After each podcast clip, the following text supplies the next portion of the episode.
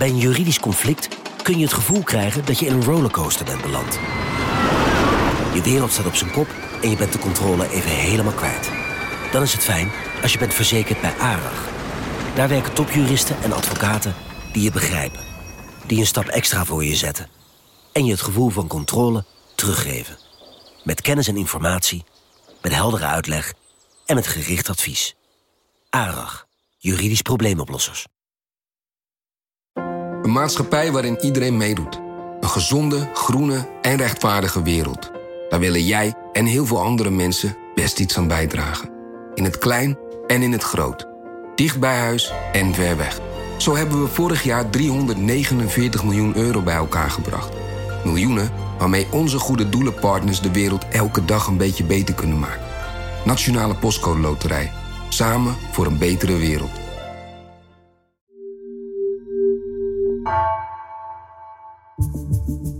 Vanaf de redactie van NRC het verhaal van vandaag. Mijn naam is Egbert Kalsen.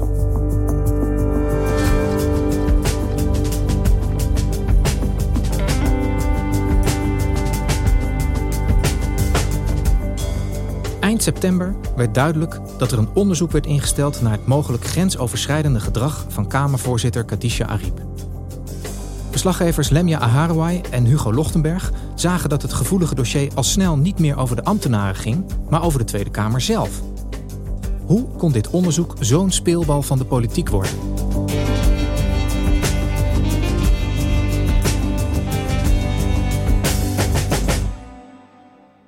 Goedenavond. Er komt een onderzoek naar mogelijk grensoverschrijdend gedrag van oud-Kamervoorzitter Garitja Ariep. Medewerkers beschuldigen Ariep van het voeren van een schrikbewind en het creëren van een onveilige werkomgeving in de jaren dat ze Kamervoorzitter was. Eind september maakte NRC bekend dat het presidium van de Tweede Kamer, dat is de dagelijkse leiding met Kamerleden, dat dat presidium extern onafhankelijk onderzoek wil laten instellen naar meldingen over Khadija Ariep in haar periode als Kamervoorzitter. En sindsdien is het onrustig in Den Haag. De leiding van de Tweede Kamer, het presidium, doet aangifte van het lekken van vertrouwelijke informatie. Tweede Kamerleden van de oppositie eisen uitleg van Kamervoorzitter Vera Bergkamp. PvdA-leider Adje Kuiken noemt de affaire rond het vertrek van oud-Kamervoorzitter Ariep schadelijk voor Ariep en voor het vertrouwen in de politiek. Politici die roerden zich. Uh, en dat ging dan niet over die meldingen, maar over het onderzoek zelf vooral. En over de totstandkoming daarvan. Deze week bleek dat onderzoek, dat komt er. Maar in de tussentijd is de een na de ander beschadigd en legde de ambtelijke top zelfs de taken neer. Lemja, goed dat je er bent. Je zit hier samen met, uh, met collega Hugo, Hugo Lochtenberg. Die zit ook hier in de studio. Jullie hebben je in de afgelopen weken intensief bezig gehouden met, uh, met deze kwestie. Zouden jullie eens kunnen vertellen, hoe is dit allemaal begonnen? Afgelopen zomer kwam er een eh, brief binnen bij het presidium van de Tweede Kamer.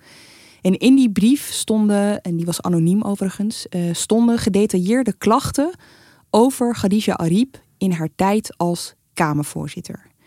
En die brief kwam op dat moment binnen omdat vlak daarvoor Ariep was benoemd tot voorzitter van de tijdelijke commissie Corona. Dat is een commissie die uh, bereidt een parlementaire enquête over het coronabeleid voor. Ja, en die brief, die anonieme brief die in juli binnenkwam, die stond niet op zich. Eerder dit jaar was er ook al een anonieme brief binnengekomen. Waarbij uh, drie topambtenaren met functie werden genoemd. Waarom zij uh, zijn vertrokken in de periode dat Khadija Ariep Kamervoorzitter was. En wat voor klachten stonden er in die twee anonieme brieven? Dat zijn klachten over sociaal onveilige werkomgeving. Dan kun je denken aan het intimideren van medewerkers, het schofferen van, van medewerkers. En dat gebeurde niet één keer, daar zijn tal van voorbeelden van. Maar als je dat ziet dat dat het patroon is, en dat was wat mensen dus uh, ons ook vertelden toen wij daar onderzoek uh, naar deden, dan gaat het optellen met elkaar. Dus als jij een vergadering hebt en jij komt er als deskundige aangeschoven, Khadija Ariep zegt: Ik zit helemaal niet op jouw mening te wachten. Of er komt een deskundige binnen en ze heeft net bewust een stoel weg laten halen en zegt: Sorry, er is helemaal geen plek voor jou vandaag, je kunt weggaan. En dan sluipt er angst in die organisatie. En dat is precies wat er gebeurde. Ja. Wat heeft het presidium daar vervolgens mee gedaan met die klachten? Die twee brieven liggen dan dus op tafel bij het presidium. En het presidium denkt: wat moeten we hiermee? En dan volgt er iets heel belangrijks. Namelijk een stap dat de ambtelijke leiding van de Tweede Kamer. En daar werken ongeveer 650 mensen. Die heeft een ambtelijke leiding onder leiding van de griffier, de hoogste ambtenaar. Die zeggen, wij herkennen de klachten die in die brieven worden genoemd. Sterker, wij hebben zelf ook een sociaal onveilige werkomgeving meegemaakt onder het voorzitterschap van Ariep. Dat alles bij elkaar maakt dat het presidium juridisch advies gaat vragen bij Pels Rijken, de landsadvocaat. En dat advies is heel helder. Met deze signalen zijn jullie als werkgever, hè, ambtelijke werkgever, verplicht om een onderzoek in te stellen. En zij adviseren dan om een extern onafhankelijk onderzoek in te stellen. En dat is wat het presidium op 28 september van dit jaar unaniem besluit. Dus Kamervoorzitter Vera Bergkamp en de andere acht leden van het presidium, allemaal Kamerleden van acht verschillende partijen, die stemmen daar unaniem mee in. Wij weten in die periode al dat er van alles speelt achter de schermen. En eh, daar, daar hebben wij vragen bij, daar zijn we mee bezig. En dan krijgen we op die 28 september, die woensdag, rond dat het presidium dus heeft besloten, unaniem, wij gaan een extern onafhankelijk onderzoek naar Ariep instellen. Nou, dat schrijven we op en voordat we dat publiceren, bellen we haar ook om haar om een reactie te vragen. Zij zegt dan dat ze geschrokken is, uh, dat ze zo niet in elkaar zit. Maar kort daarna verandert haar reactie. Als ik kijk wat er afgelopen 24 uur over me heen eh, is eh, gestort, dan heeft zo'n gesprek gewoon een politieke afrekening en daar werk ik niet aan mee. U noemt het een politieke afrekening? Door wie? Door mevrouw Bergkamp en uh, met de mensen die om haar uh, heen zijn. Daarmee verengt ze het besluit van het presidium tot een strijd letterlijk A tegen B. Ariep tegen Bergkamp. Dit is precies waar burgers een hekel aan hebben. Uh, dat je met elkaar bezig bent, dat je elkaar messen in de rug steekt, uh, rodel in achterklap. Het is een onveilig en een giftige omgeving. Zo ervaar ik het. En wat er in die dagen ook gebeurt, is dat Ariep zegt: Ik ga niet meewerken aan het onderzoek, op voorhand dus al. En uh, ze noemt het ook een schijnonderzoek. Ze zegt ook: Ik ben geen verantwoording verschuldigd aan Bergkamp of het presidium. En dat is ook zo, want Tweede Kamerleden hebben geen werkgever. Ik kan me voorstellen dat als je Ariep bent, dat het vervelend is dat dit nieuws je, via de pers, via NRC in dit geval, uh, bereikt. Maar ze neemt ook heel nadrukkelijk afstand van, uh, van de brieven die erover geschreven zijn. Ze zegt: Zo ben ik niet. Uh, dit gaat niet over mij, zal ik maar even zo vertalen. En ze beschuldigt Bergkamp. Wat gebeurt er vanaf dat moment? Ja, dan verandert eigenlijk alles. Kijk, dat eerste heeft zij natuurlijk volkomen gelijk in. Het is natuurlijk een mispeer van je welste van een presidium. Dat je onderwerp van onderzoek, namelijk in dit geval Gadisha Ariep, niet zelf daarvan op de hoogte hebt gesteld. Dat wij dat eerder wisten. Dat is natuurlijk een mispeer van heb ik met jou daar. Dus haar verontwaardiging daarover, en bij heel veel mensen, kan ik me ontzettend goed uh, voorstellen. Het tweede wat hier een grote rol speelt, is dat zij het maakt tot een strijd, A tegen B. Hè. Ze verengt het tot een strijd tussen twee personen. Zij weet heel goed hoe dat werkt in Den Haag, want dat is de Haagse dynamiek, is dat, dat is overzichtelijk, A tegen B. Dan weten we, er gaat iemand winnen en verliezen. En het feit dat zij zeer geliefd is bij in ieder geval eh, de buitenwacht en een deel van het ambtelijke apparaat, want die zijn ook gek op haar. Ze was een, een, kamervoorzitter die kamerdebatten leidde met flair, met gezag, met humor. Dat maakt haar echt heel erg uh, populair. Dat maakt dat dit een, een cocktail werd waar iedereen mee aan de haal ging. Ja, want het werd uiteindelijk eh, niet alleen een gesprek over die ambtenaren, het werd ook een heel politiek debat, Lemja. Ja, want Kamerleden die begonnen um, hardop ook hun twijfels uit te spreken. Dat uh, begon al meteen in de plenaire zaal, dus de grote debatzaal van de Tweede Kamer, vrij snel na uh, onze uh, publicatie. En ik herinner me nog dat bijvoorbeeld Wiebren van Haga, van de groep van Haga, voormalig FVD-lid, ehm, die probeerde in die zaal een meerderheid te krijgen van Kamerleden om er met elkaar over te debatteren.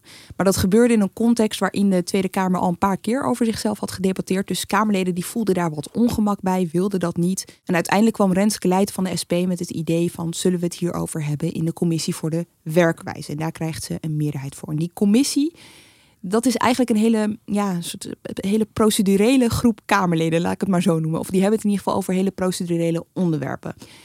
Uh, om maar één voorbeeld uh, te noemen, de titels van moties moeten die niet wat duidelijker. Dat stond een tijdje terug op de agenda. En nu moeten ze het ineens gaan hebben over dit politiek gevoelige onderwerp. Dus het gesprek over deze kwestie ging niet plenair, maar in de commissie voor de werkwijze plaatsvinden. hoe verliep die vergadering? Het was op uh, eh, 1 november en uh, de korte samenvatting is: uh, het verliep echt buitengewoon chaotisch, die vergadering. En ik zeg ook vergadering, want dat is ook de opzet hè, ervan. Dus het is niet zozeer een debat, maar daar ontaarde het toch wel in. Kamerleden hadden hun twijfels over de motieven van Bergkamp en het presidium, over de totstandkoming van het onderzoek. Kamerleden vroegen zich af of het onderzoek niet verbreed moest worden, dus niet alleen gericht op Ariep. En het presidium heeft echt een politieke inschattingsfout gemaakt door te zeggen: oké, wij zijn bekend met die klachten, dus wij kunnen de opdracht niet zelf verstrekken. Dus daarom hebben wij twee gedelegeerde opdrachtgevers. Dus je zet dat eigenlijk op afstand. Maar zo groot was die afstand niet, want die twee gedelegeerde opdrachtgevers, dat waren twee topambtenaren die bekend waren met de klachten en daardoor ook niet volledig onafhankelijk. Dat is een inschattingsfout van Bergkamp en het presidium. Want daar, ging, daar gingen Kamerleden, allemaal met hun eigen reden, aan hangen en zeiden dat klopt niet. Dus er ontstond nog meer tumult. De voorzitter, maar eigenlijk het hele presidium, hebben wat onze fractie betreft een schandalig en historisch fout besluit genomen. Trekt dat voorstel direct in of de opdracht die u al heeft gegeven tot zo'n onderzoek in. De voorzitter en haar presidium mogen hier met deze politieke heksenjacht niet doorgaan alles werd erbij gehaald en alles vermengde zich met elkaar. En dat kwam mede omdat Vera Bergkamp als Kamervoorzitter verantwoording af moest leggen. Maar ook die vergadering zelf leidde. Het presidium en u ook, mevrouw de voorzitter, heeft geacteerd als een soort huurmoordenaar. Er is een politieke moord is gepleegd. En dan wordt er nu wordt er gezegd. Ja, we gaan, Het gaat over een heleboel, maar niet meer over de meldingen van die ambtenaren. Ja. En wat komt er nou uiteindelijk uit die vergadering? Wat wordt daar besloten? Nou, laat ik eerst even uitleggen hoe dat uh, ging. Want wat er gebeurde is dat Vera Bergkamp de vergadering afhamerde. Dat gebeurt dus ook echt letterlijk met een hamer. En ik sluit ook de vergadering, het is 7 uur. Nee. Voorzitter, hier maak ik bezwaar tegen. Ik wil een ordevoorstel doen. Maar Kamerleden die wilden uh, nog stemmen. Stemmen over een voorstel dat Pieter Omtzigt had gedaan. Hij wilde namelijk dat het onderzoek stil kwam te liggen, tijdelijk, totdat Ehm, de Commissie voor de Werkwijze de opdrachtverstrekking aan het onderzoeksbureau had gekregen dat het presidium had ingediend. En dat onderzoeksbureau is overigens Hofman.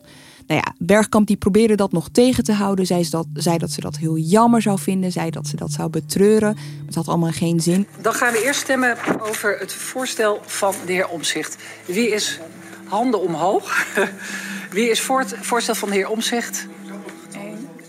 Dat zijn er acht. Voorzitter, volgens mij is het voorstel van mij net aangenomen. Even de heer. Voorzitter, het, het voorstel van mij is net aangenomen. Laat nou even. Er werd gestemd en een meerderheid van de aanwezige Kamerleden steunde dat voorstel van omzicht. En dat betekende overigens niet dat het onderzoek daarmee stil kwam te liggen. Het betekende dat Bergkamp terug moest naar het presidium en dat voorstel daar moest gaan bespreken. Goed, we hebben ehm, het onderzoek wat via NRC eh, bekend wordt, hè, wat naar buiten komt. We hebben Ariep, die uh, het gelijk framed, zeg ik even in mijn woorden, als een aanval van Bergkamp. We hebben Kamerleden die Bergkamp en eigenlijk het hele presidium niet meer vertrouwen en het onderzoek stil willen leggen, hè, totdat ze weten hoe dat nou precies zit met die opdracht. Hoe voelen die ambtenaren zich? Nou, de frustratie bij die ambtenaren die was al heel groot. En ook al heel langdurig trouwens. Dat speelt al jaren dat hier te weinig mee wordt gedaan. Er zijn al veel vaker meldingen gemaakt van sociaal onveilige werkomgeving. Ook onder uh, Khadija Ariep. Daar gebeurt telkens niets mee, niets concreets mee. Dat is hun frustratie. En dat dreigt nu weer te gebeuren. Zij weten, een soort van déjà vu dit gaat weer over het politiek zelf. Dit gaat weer over politici. Wij worden weer een debat ingetrokken om politieke spelletjes te spelen. Het gaat weer niet over de kern van de zaak. Ambtenaren die zich melden, meerdere met gedetailleerde klachten over een sociaal onveilige werkomgeving.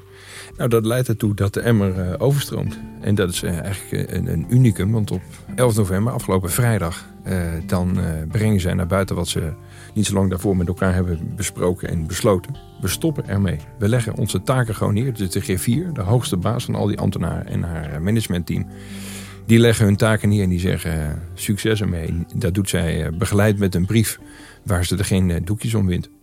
En de griffier, Simone Roos, die schrijft daar ook in. Ik ga een paar dingen uh, quoten.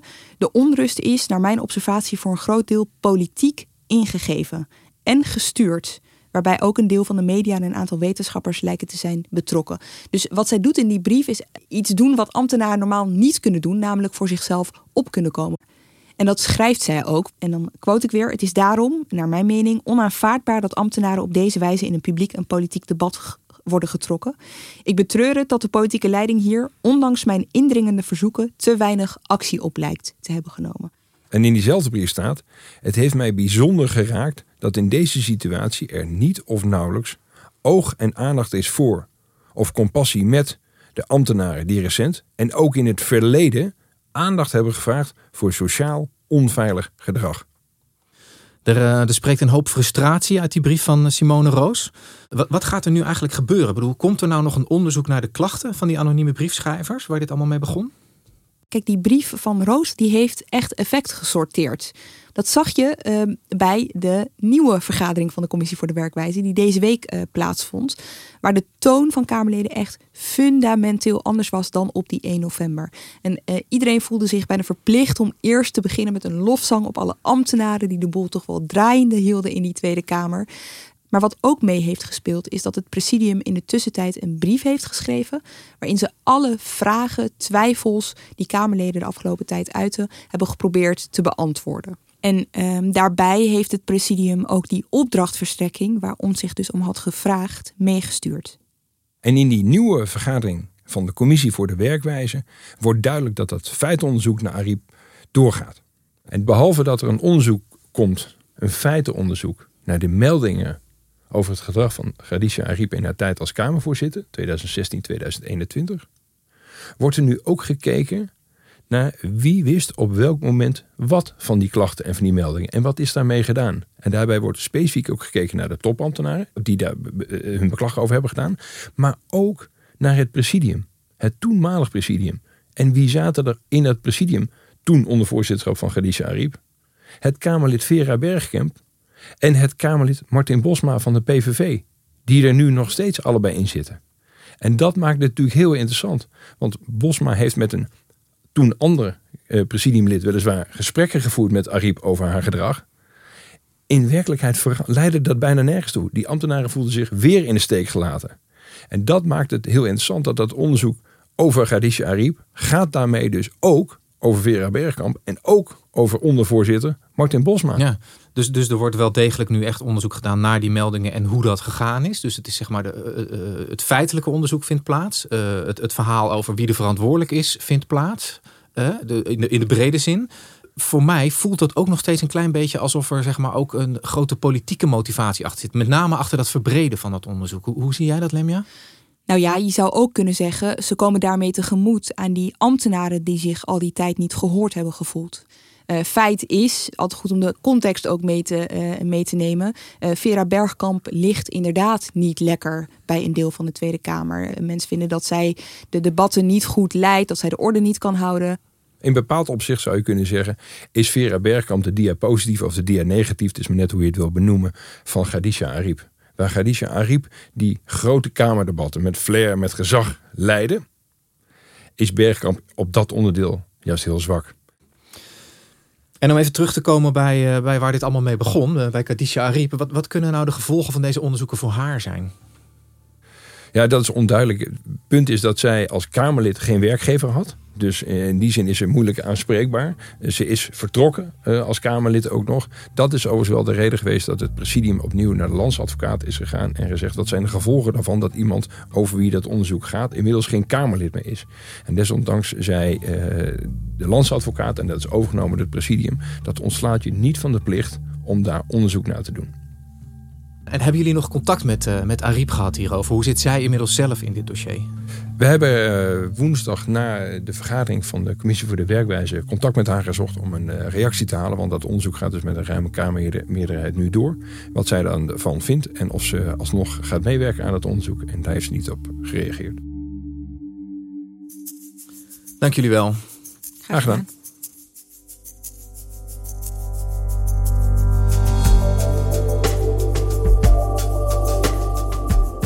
Je luisterde naar vandaag, een podcast van NRC. Eén verhaal, elke dag. Deze aflevering werd gemaakt door Mila Marie Bleeksma en Misha van Waterschoot. Dit was vandaag, maandag weer.